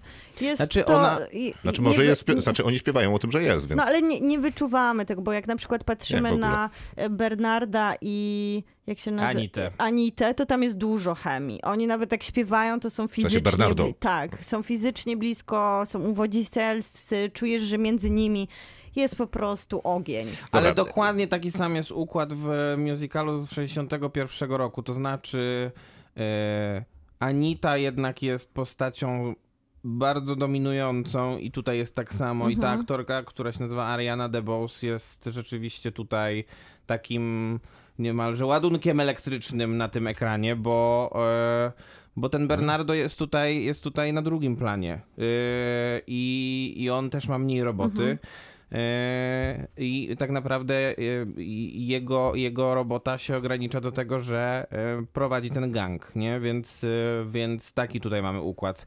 Generalnie na tym ekranie rządzą kobiety, bo To jest taka bardzo dobra scena, kiedy ona go ustawia w domu i tłumaczy mu, Tak. jak bardzo mało możliwości ma jego brutalny świat. W no sensie tak, i, i po tej... tłumaczy mu krok po kroku, czego nie może no tak, zrobić i dlaczego. Go, generalnie go miażdży tą dyskusją, a potem jeszcze następuje piosenka Ameryka, która, w której ona mu tłumaczy też, dlaczego nigdy nie powinna, dlaczego ona zostanie w Ameryce, jak on będzie chciał wracać do Portoryko. Tak. Bo... E, Co później się zresztą zmieni. Już raz wydaje mi się, że to jest dosyć inteligentny scenariusz. Natomiast ja nie lubię tego filmu, e, więc e, chciałbym się z nim szybko rozprawić. E, Zupełnie do mnie nie trafia ta musicalowa forma, nie czuję żadnych emocji, a to, co mi śpiewają w piosenkach, to jest opowieść o historii, której nie oglądam na ekranie, co jest dla mnie trochę nie do przyjęcia. Natomiast są trzy świetne sceny w tym filmie, które bardzo lubię i to jest właśnie ta cała długa sekwencja Ameryka kuchni. kuchni i to, w co przechodzi I już kontynuacja. Mi, i kontynuacja. To jest super. Świetnie wytańczona też. Te, w ogóle wszyscy świetnie tańczą. Świetna choreografia. Poza Anselem Elgor- Elgortem, On nie tańczy. ani nie śpiewa. Nie. I, I nie gra też za dobrze. i jest fatalnym aktorem, naprawdę. To jest Ale niewiarygodne. Tylko Baby Driverze był dobry. Jedyne co ma, tylko ja- dodam, że on ma taką urodę Jednak. po prostu amerykańską, Nie, która ale wydaje się, że kanciastość, że nawet Spielberg chodzić nie potrafi normalnie. To prawda, nawet jak on biegnie, nie to ja mówię... Naprawdę nie mogliście wziąć kogoś, kto jest jakby trochę bardziej płynny, w- Nie, ale bardziej wiesz, to, wiesz, co mi to przypomniało? Pamiętasz, jak rozmawialiśmy o filmie Furioza i mówiłeś, Tak. że ten Mateusz Banasiuk ma też takie coś, że nawet jak chodzi, to widać, że to jest sztuczne i takie Tak. nieprawdziwe. I to jest, ja, To jest ja jak to. tak patrzyłem na to, to myślałem o tym. Tak, tak, tak. No, to kompletnie się zgadzam. No więc ta scena- scena jest znakomita. Świetna jest scena, w której walczą o pistolet. E, I głównie podejrzewam, że za sprawą muzyki. Co to jest za znakomita muzyka, to jest wręcz niewiarygodne. I finał, ten, który następuje, w którym Ansel wychodzi krzycząc e, imię pewnej osoby w pewnym celu, to dla tych, którzy widzieli film, to jest charakterystyczne. No nie, no powiedzcie, ja nie mogłem wyrzucić z głowy popiołu i diamentu. To jest tak przypomina tę finałową scenę, kiedy oni chodzą w ruinach e, też miasta, tu też są ruiny tego miasta, plus muzyka, która była bardzo w takim tonie polskiej szkoły filmowej, zresztą ta bitwa o ten rewolwer bardzo mi przypominała Salto. E, No tak, tylko że... To naprawdę y, To ja dodam bardzo ciekawe, jak świetne tony ma ten film momentami i jak Bo- bardzo mnie interesował i był imersywny dla mnie, a jak momentami nic mnie nie obchodził. Ja tylko bym chciała dodać scenę, kiedy Anita zostaje zaatakowana przez wszystkich chłopców w scenie, w której e, się spotykają że na żałobę, są tam też kobiety i ten moment, kiedy te kobiety też są wyciągane stamtąd, te, które są przeciwniczkami. I to, że ten film nas utrzymywał przez długi czas w takim poczuciu bezpieczeństwa musicalowego, że nawet jeżeli były te noże, to one nie były groźne, nawet jak była ta broń, to wiedzieliśmy, że wystrzeli dopiero w finale. I jest nagle ten moment, w którym jest bohaterka, nic się nie dzieje, bo ta scena jest jeszcze tak też zobrazowana bardzo teatralnie. My już nie No, widzimy, to jak ona gwałt. znika pod ciałami tych mężczyzn, ale jest to niesamowicie brutalne, zwłaszcza w kontekście tego, że oficjalnie mówi o tym sama Rita Moreno, która wróciła tutaj, że ona została zaatakowana w życiu i ta scena, w której ona musiała prze, przerobić też, też i pojawić się tam jeszcze mi dodała takiego w ogóle. To ciekawe, bo chyba zapominamy o tym, że mm, mm, powiedzieć, że Ansel Elgort ma z kolei mm, Tak. s- Tak. sprawę właśnie w, w tym temacie, który się toczy to przeciwko niemu. Dosyć... Nie, nie przeciwko niemu, tylko w sprawie. Kontrze. bardzo ważne jest to, bardzo ważne jest też nawiązanie do tej Rity Moreno, Mhm. bo ona em, grała w oryginalnym West Side Story, dostała zresztą za swoją, ro, swoją rolę Anity Oscara. Pierwsza portorykanka w historii. A tutaj e, oddaje tę rolę oczywiście młodszej aktorce, bo nie mogła zagrać 90-letnia kobieta e, młodej, energicznej portorykanki. Natomiast e, dostaje tutaj swoją rolę i ona gra Valentinę, która, e, która zarządza tym sklepem, w którym pracuje Tony i w którym rozgrywają się niektóre te dramatyczne sceny, tak jak ta, o której opowiedziałaś. Mm, No i ona też ma przepiękną jedną scenę, kiedy, kiedy śpiewa, e, kiedy popijając e, jakiś mocny trunek, e, e, będąc w żałobie po śmierci bohaterów, śpiewa piosenkę Somewhere. Myślę, że to jest, e, to jest też dla, dla tych, którzy znają oryginalny musical też niespodzianka, bo, bo tą piosenkę śpiewa zupełnie kto inny w oryginale. Tą piosenkę śpiewa chyba Maria, z tego co pamiętam. I w zupełnie innym kontekście jest ta, ta piosenka użyta. I, e, bo to jest też ważne w, kontek- w, w, w, przy ocenie tego West Side Story Spielberga. Nie tylko, dlatego, nie tylko to, że ten film, no nie wiem, tutaj akurat nie, wydaje mi się, że nie można znaleźć argumentów przeciwko, że jest wspaniale nakręcony, pięknie Wspaniale wygląda. zmontowany. E, Janusz Kamiński zrobił tutaj jakąś niesamowitą robotę za kamerą. Em, Ma te, te, te, te adaptacje, czy te aranżacje, te aranże, e, które są tutaj e, muzyki wspaniała. Bernsteina e, zrobione, są też wyśmienite. No to ten film poprawia bardzo dużo rzeczy, które, które są takie bardzo zastane i bardzo stare w West Side Story z 61 roku. Więc no. Remake ja... jest na pewno Ja usprawiedliwiony. wyszedłem. e, Ja bym chciała powiedzieć, najwspanialsze jest tu to, że oni mówią po portorykańsku i To nie ma tłumaczenia. No dobrze, To nie, jest wspaniałe? Dlaczego? no bo jest to jakieś, najpierw mnie to wprowadziło, konfudowało, ale później sobie myślałam, że opowiada to o tym zderzeniu kultury, gdzie wszyscy od nich wymagają, żeby mówili po angielsku, chociaż są w świecie, w którym na przykład są we własnym domu i własnej rzeczywistości. Nie, no po angielsku to wymagają od nich ci, którzy mówią po angielsku. Nie, ale na Nie, przykład nie, nie. zobacz, jak często Anita sama mówi do Bernardo, Tak, że żeby mówić po mówił po angielsku. angielsku, żeby się uczyli tego angielskiego nawzajem. Brzmi rozsądnie. Ale mówi, z- ale z drugiej strony bardzo często rozmawiają też po hiszpańsku, co, e, co jednak nie odbiera realizmu tym I scenom, totalnie czujemy się w bo nich e, komfortowo. nie jesteśmy, nie jesteśmy tak jak w rodzinie Guccich, gdzie wszyscy mówią po angielsku, mimo że byli Włochami, nie? Więc no to Ja, ja chyba rozumiem ten zabieg, natomiast pewnie nie przeszkadzałyby mi napisy, gdyby ktoś mi to tłumaczył, ale no być może właśnie chodziło o to, żebym nie rozumiał, o czym jest. Albo żeby też oddać im taką przestrzeń autentyczności w tym, że właśnie nie są to biali aktorzy, którzy uda,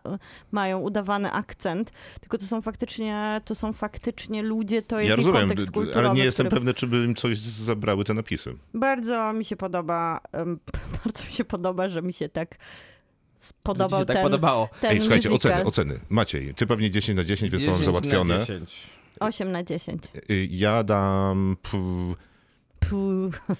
Zaśpiewaj dam to. 7, Zaśpiewaj to. bo jak na klasyczny musical, No właśnie. to zainteresowało mnie więcej rzeczy niż podejrzewałem. Nie myślałeś, że wyjdziesz zniesmaczony, Myślałem, znudzony, myśl- trzy godziny Myślałem, prawie. a nawet, nawet mi się nie dłużyło jakoś No specjalnie. właśnie. Więc nie, no, no dodaję 7, to moim zdaniem bardzo uczciwie.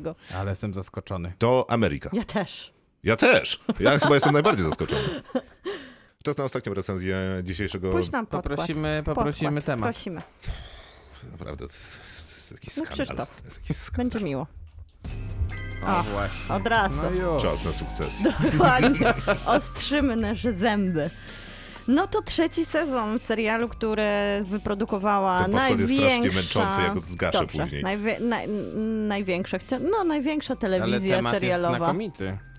I- Ale jako Wspaniały podkład męczący. A no tak, tak. Nicolas Britell y, jest autorem tego tematu. HBO stworzyło razem z Jesse Armstrongiem serial, który zapowiadał się jak większość produkcji HBO jakościowo, ale też nikt chyba się nie spodziewał, że rodzina Rojów zdobędzie tak serca nie tylko krytyki, ale też wszystkich widzów i opowiadanie historii takiej dynastii, sukcesji w rodzinie wielkich magnatów medialnych, w której przez trzy sezony wszyscy biją się o władzę, też wydaje się trochę niemożliwą sytuacją, żeby po cały czas utrzymywać taką świetną jakość scenariuszową, aktorską i prowadzić też w nas, widzach, ciągle taki niedosyt. Mi jest tak przykro, że za nami od dzisiaj dostępny na HBO i HBO Go dziewiąty odcinek, tym razem nie dziesięcioodcinkowego trzeciego sezonu, bo ja na pewno Nie, nie, no nie, najgorzej. wyczerpał się mój... em, nie pod- przesyciłam się rodziną Nie, Rojów nie, i chciałabym najgorzej, z nią że, najgorzej, że nie ma tego czwartego sezonu od razu. Ja tak uważam. Naprawdę, najgorzej. Jeden odcinek mniej to problem e, pandemii, ale trzeba przyznać, e, Że że- zupełnie to na scenariuszu nie zaważyło. Nie, właśnie zupełnie. Nawet mam wrażenie, że jestem taki bardzo spełniony po tym trzecim sezonie. Nie, żebym nie był po drugim No czy właśnie, pierwszym, no ale właśnie, zaznaczmy w tym to. sensie, że niczego mi nie zabrakło. Natomiast e, kiedy oglądałem ten e, trzeci sezon, to pewnie miałem takie myśli, jak sporo osób oglądających sukcesję od pierwszego sezonu i będącymi zażartymi fanami tej produkcji, że jednak jak niesamowite jest to, że to jest któryś tam kolejny sezon i jakość, dynamika pomiędzy tymi bohaterami, których już całkiem nieźle poznaliśmy, mimo że pewnie trochę się tego wstydzimy, że ich poznaliśmy, no nadal jest znakomita. Tak. Scenariusz potrafi ich Bezbłędna. e, rozwijać, e, te sceny wspólne, czyli prawie wszystkie, są nadal świetnie aranżowane. Ale no, zmiana była taka jedna, że ten serial chyba jednoznacznie stwierdził, że okej, my jesteśmy serialem satyrycznym, bo jest o wiele zabawniejszy niż Tak. pierwszy i drugi e, e, e, sezon, co jest olbrzymim plusem. No oczywiście. A druga rzecz była taka, że mam, miałem trochę dosyć tego układu, pewnie tak samo jak te dzieci, że ile razy jeszcze Logan Roy będzie mówił, ty będziesz szefem, ty przejmiesz firmę, ty przejmiesz firmę, Więc od teraz I grał wszystkim na nosie. a później powie, a jednak A nie. jednak nie. No wiesz co, nie wiem, bo e, połowa tego sezonu jest dokładnie o tym samym. On dalej robi... Początek tego sezonu jest o tym, No natomiast tak, połowa. później, Do piątego odcinka, który później- jest znakomity. To- no, później dokładnie. jest, później ten serial, ten, ten sezon jednak trochę zmienia jakby koncepcję, wydaje mi się. W sensie rozmawialiśmy trochę o tym przed jeszcze programem, Mhm. że staje się nagle, to, to, są, takie, to są takie odcinki, które nie są połączone ze sobą za Oddziela bardzo. się mnie od informacji. Tak nie było w pierwszym i drugim sezonie. Te, te odcinki bezpośrednio wypadały, wy, wy, wychodziły, od, jakby przechodziły pomiędzy sobą, tak? W sensie wynikały z siebie. A tutaj, jak masz odcinek jeden, w którym oni nagle się znajdują, nie wiem, na jakiejś takiej konwencji partii republikańskiej, wybierają kandydata na prezydenta. Nie, nie, wybierają prezydenta. Znaczy wybierają prezydenta, y, ale wcześniej zupełnie co innego robili w, w odcinku wcześniejszym, a w następnym odcinku jeszcze co innego będą robić. No Poza tak, bo jest odcinek, skaczemy. który jest urodzinami Kendala, jest e, odcinek, Och, który tak. jest e, walką o utrzymanie większości akcji, jest odcinek, no właśnie ten, o którym mówiłeś, no więc tak, tak, faktycznie Takie jest. epizody I mam wrażenie, wewnątrz. że to bardzo służy serialowi. Dobrze, dobrze, Mhm. bo zwłaszcza, że pierwszy i drugi sezon z jednej strony dał nam taką konkretną opowieść, która się koncentrowała na opowiedzeniu historii najczęściej jednego z rodzeństwa, gdzie poświęcało się im najwięcej czasu, gdzie finał No jakby też tak jest. jest, ale wszystkim się poświęca w miarę podobnie dużo czasu, bo ta, i przez to, że też Ale jest to podróżujemy, odcinek bo Romana. wcześniej na Znaczy przykład sezon. Nie, to jest ciężko powiedzieć, że to jest A jego nie masz, sezon. ja, bo ja na przykład mam wrażenie i to y, mam takie wrażenie chyba od początku serialu, że e, z odcinka na odcinek mi się zmienia ten No MVP właśnie. niemalże tego, tego sezonu Ten trzeci każdego, sezon, dokładnie. tutaj, tutaj mm, chyba, Znaczy, naj, chyba wy, wybieram tę postać trochę na bazie tego, kogo najbardziej faworyzuję. Jasne. I, najczęściej Logan I też e, w Logan, pewnym tak. sensie Znaczy, oddając po- sprawiedliwość, że tym, pierwszy że był można Kandala, powie- drugi był Shiv. poza tym, że można było powiedzieć, że wszystkie trzy sezony są Logana, E, więc... e, Ale to wiemy. Natomiast, y, natomiast y, no są tutaj takie, no tutaj na przykład jest najmniej momentów chyba, najmniej chyba odcinków tych Shift ma przewagę Mhm. w tym sezonie konkretnym, ale są z kolei, ale z kolei są takie, są takie odcinki, gdzie jej mąż ma strasznie dużo do roboty i ten Tom nagle wychodzi i staje się jakimś takim jednym z, jednym z poważniejszych bohaterów tego serialu. Ale, ale razem z Garym. Z kim? Z Gregiem. Z Gregiem, Z Gregiem tak, Gregiem. tak, tak, tak. No tak, to oczywiście. No tutaj jest, ta dynamika komediowa między nimi jest, jest bardzo istotna jednak. e, Szczególnie, że Gregowi do, dopisano taki wątek pseudoromantyczny, który jest e, jedną, wielkim, Ale- jedną wielką niezręcznością. Tutaj jest wiele w ogóle takich, wyśmienite są w- ta wielowarstwowość, bo wszyscy trochę dostają Spadkobierca włoskiego tronu. tak, i dokładnie. wielki przeciwnik Greenpeace'u. O, tak, dokładnie.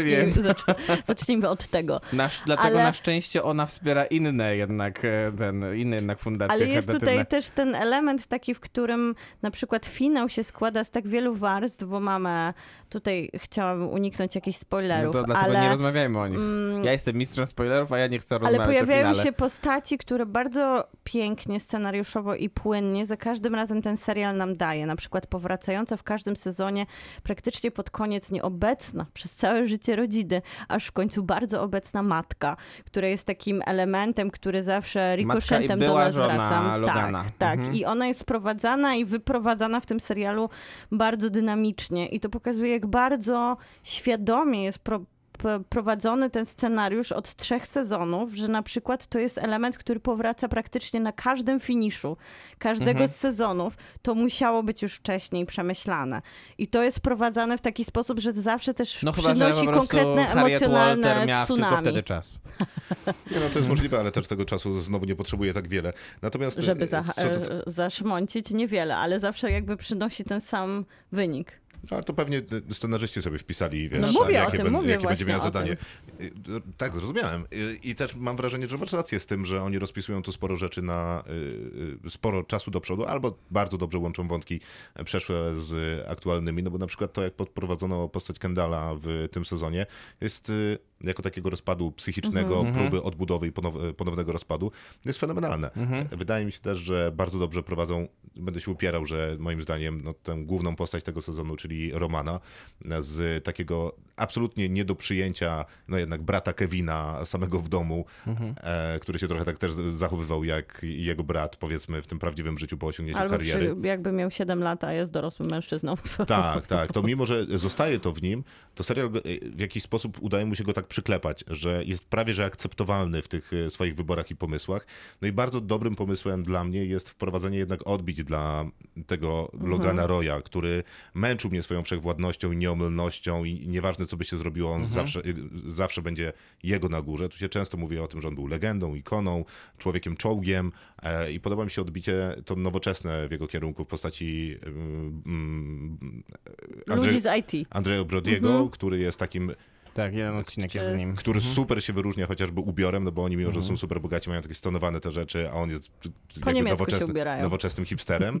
E, no i druga postać, no to jest, Czyli Aleksandra Skarsgård. Skarsgarda. który jest przedstawicielem tego Big Techu, e, o którym zresztą mówią, kiedy wybierają prezydenta, też jest bardzo dobrym e, pomysłem na zmiękczanie postaci Logana Roya, więc byłem trochę zawiedziony, że ta pierwsza z tych postaci jakby pojawia się i znika. Na chwilę. Ale to też jest niezły zabieg, że Nie, dają ci wielkiego aktora, no wielkiego, no ho- hollywoodzkie nazwisko i tylko cię Tak, tak naprawdę prawda, nim miziają. A też jest super, że ja w tym w tym sezonie doceniłam, że tak naprawdę to, co mówisz, że tak mnie Ale w męczył, sumie czek- takie rzeczy że, robiono jednak. że tak mnie no, męczył. wiem, na przykład jak był... ja, że tak mnie męczył Logan, tak jak ciebie, że on jest taki wszechwładny, to oni to tak prowadzili do tego momentu, żeby nawet szybko pokazać nam taki piąty odcinek. No ale to Znaczy, nie, ten- ja, ten- nie, ten to ja się z tym nie zgadzam jednak, tak nie do końca było, bo w... To ja sobie tylko spuentuję tę moją długą wypowiedź i później róbcie z nią co chcecie. Puenta jest taka, że moim zdaniem ten serial przez to robił się wtórny. E, mimo, że dalej był świetnie napisany i świetnie się go Przez jego władzę.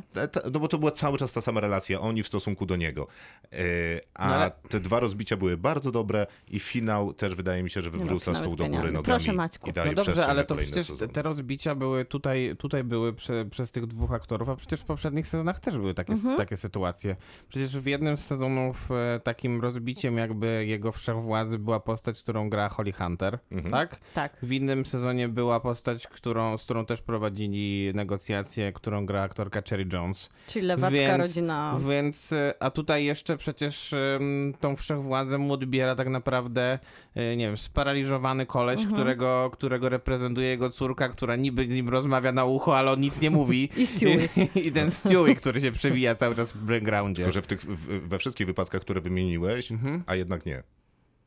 A W co nie? sensie? No w sensie, że oni się pojawiają, jest tam jakaś interakcja, jest zagrożenie, ale jego jest na górze. No ale to też No, pozostajemy w, chyba w tej formule do końca, No, nie razem wiem, z nie trzecim wiem. sezonem. Nie mam Nie pojęcia. wydaje mi się. A do, te, do, tego, do tego się dowiemy dopiero pewnie w pierwszym odcinku czwartego To sezonu. prawda. Tak naprawdę. Tak, natomiast jeżeli tam on dalej będzie tym Zordonem niemalże zamkniętym w, w słoiku, no to moim zdaniem to jest, no nie, nie, nie wiem, no ile można tych scenek jeszcze No ale opowiedzieć w tej potencjalnie nie był dla ciebie piąty odcinek tym momentem, w którym, żeby tutaj nie robić spoilerów, w którym jeżeli ten hegemon władzy tak naprawdę miałby ją oddać, tu się to dzieje w bardzo specyficzny sposób, to nikt nie jest w stanie sobie z tym poradzić i to obnażyło całą tą, Dlaczego tak naprawdę- stanie, ale Bo nikt sobie nie radzi. bo nikt sobie nie radzi, bo fizycznie De oglądamy facto nikt sobie nie radzi. wszystkich, Oni wszyscy są jak dzieci we zależni mgle. są od niego. No ale to nie, oni Więc nie są zależni od dynamika niego, nie jest tylko po wtórna, prostu... ona jest realna. Realna. On ich upośledził. y, Dokładnie. No tak. tak, tak. Więc ta Więc to jest dynamika nie jest ale wtórna, jest jednocześnie, realna. No, ale jednocześnie z kolei finał,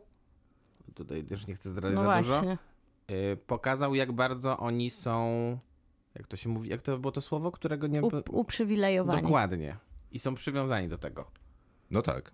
I Ale to wiemy też chyba od pierwszego odcinku. tak, ale, Tak. ale myślę, że myślę, że e, ten trzeci sezon pokazał to e, najbardziej, najbardziej to uwypuklając jednak w I- sytuacji kryzysowej. I najwięcej dał niektórym bohaterom twarzy, bo naprawdę się pastwił przez dwa sezony. Na przykład nad takim Konorem, który prosi się o to, żeby się na nim pastwić. To prawda. I mamy tutaj te sceny w tym trzecim sezonie, w którym nie, żeby one go stawiały w jakimś innym świetle niż Nie, no, jak tutaj jego rodzeństwo Conor- mówi, no to jest on, taki Nie, nie, jest. przepraszam, ale, ale on dostaje Conor ludzką jest, twarz. Conor jest naprawdę bardzo blisko nominacji Partii Republikańskiej na prezydenta. Tam Zbliża się do 1%. brakowało tak bardzo niewiele, więc no... Nie, Nie, no ale to y, jest prawda, o czym mówisz, Miłka. To ja y, podawałem przykład akurat Romana, którego tak, udało tak, się tak, tak. przyklepać. E, Tylko Shiv się, tylko Shiv się dostało najwięcej.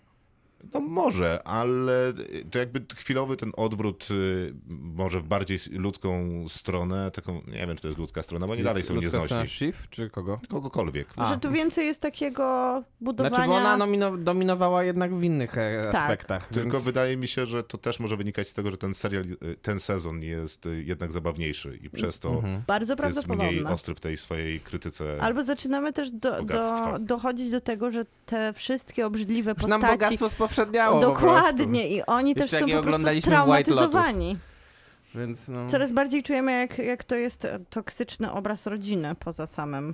No tak, ale, to, ale jednocześnie to był taki najbardziej bogatych. ro, rodzinotwórczy y, sezon. y, no, Tak. Jakby pojawiali się nowi członkowie rodziny albo o nowych członkach rodziny się dyskutowało, a jednocześnie te więzi tutaj były zaciśniane. Zresztą podejrzewam, że właśnie w celu e, tej kulminacji, która pojawia się w finale, co pozwala nam uwierzyć, że ten, ten finał jest wiarygodny. Mam nadzieję, że to było na tyle oględne, że nie uda, udało mi się nie, tak. nie że zaspoilerować. Każdy z Brawo. tych Ja zasadzie odcinków nie- tego serialu to jest po prostu festiwal smaku tego, jak można coś dobrze napisać, zagrać i zrealizować. To prawda, Każdy. z- zwłaszcza, że to jest trudne, no bo jest na bardzo wiele osób, bo nie w zasadzie cały czas siedzą w pomieszczeniach w 10 Tak, osób i tak, gadają. tak. E, I każdy zawsze dostaje ten, ten swój punchline. tak, i nie jestem, nie jestem naprawdę przekonany, czy trzeci sezon był jakoś super odkrywczy w kategorii sukcesja, ale też nie jestem pewny, czy akurat ten trzeci sezon musiał być jakoś specjalnie odkrywczy. Coś Nie, no więcej potrzebne niż to, najwięcej- co mamy jest No mam nam. wrażenie, że w czwartym i owszem. Najwięcej kart y, i wszystkie karty powinny zostać odkryte po prostu w tym czwartym finałowym sezonie. I Dokładnie. tak y, i nad niego pewnie poczekamy pewnie ze dwa lata. I, I już, i już nie Będziemy możemy się doczekać. później, no. że się skończyło. Punktacja, Dokładnie. I będziemy państwo. oglądać y, potem ile- razy. Ile milionów dasz 10, Maciej na 10? 10. 10 dam. Też dam 10, 10. milionów. To wszystko na dzisiaj od nas. Y, Do końca... Jezus, też nie wysokie oceny dzisiaj powystawiałem ja. No, Ale my wy nie no, chyba też sukcesja całkiem 10 nieźle. na 10. Do końca roku zostały nam dwa programy. E, Za tydzień robimy... Spidermana. Tak. I za dwa tygodnie Tak? też robimy filmy. Witchera też robimy za tydzień. Tak, ale Ojej. prowadzi, y, dążę do tego, że podsumowanie roku i owszem zrobimy, ale w nowym roku, 3 Tak, w stycznia. nowym roku 3 stycznia. Pierwszy program to będzie podsumowanie poprzedzającego roku. Więc Nie będziemy możecie się doczekać? i o filmach i Ja się serialach nie mogę rozmawiać. doczekać, Ja absolutnie Ja nie mogę się ja doczekać. cały się czas, nie mogę I cały czas mi się ta lista jeszcze zmienia. No, I ja coś, też sobie coś czuję, że jeszcze może się zmieniać. Będzie super. Najpewniej. E, Więc zapraszamy. Na Spotify jesteśmy od jutra z tym odcinkiem jako podcast Kinotok Podcast na Facebooku albo Kinotok na Spotify, gdzie można nas również subskrybować. Jeżeli słuchacie podcastów gdziekolwiek indziej, to tam też jesteśmy i czekamy na wasze uszy. Będą teraz święta, polecajcie nas. Na święta? Na święta. Tak. Rodzinie. I bliskim. filmy oglądajcie, bo będzie dużo Matrix filmów. będzie e, na święta. ale też będą filmy na platformach streamingowych. Na przykład Netflix wypuszcza wszystkie Nie swoje premiery. nie patrz Wszystkie swoje premiery teraz kinowe zaraz wprowadzi na Netflixa, między innymi nowego Sorrentino. To wszystko na dzisiaj. Dziękuję serdecznie. Krzysztof Majewski. Miłosława Bożek. Maciej Stasierski, dobranoc. Kinotok. Tuż przed wyjściem do kina.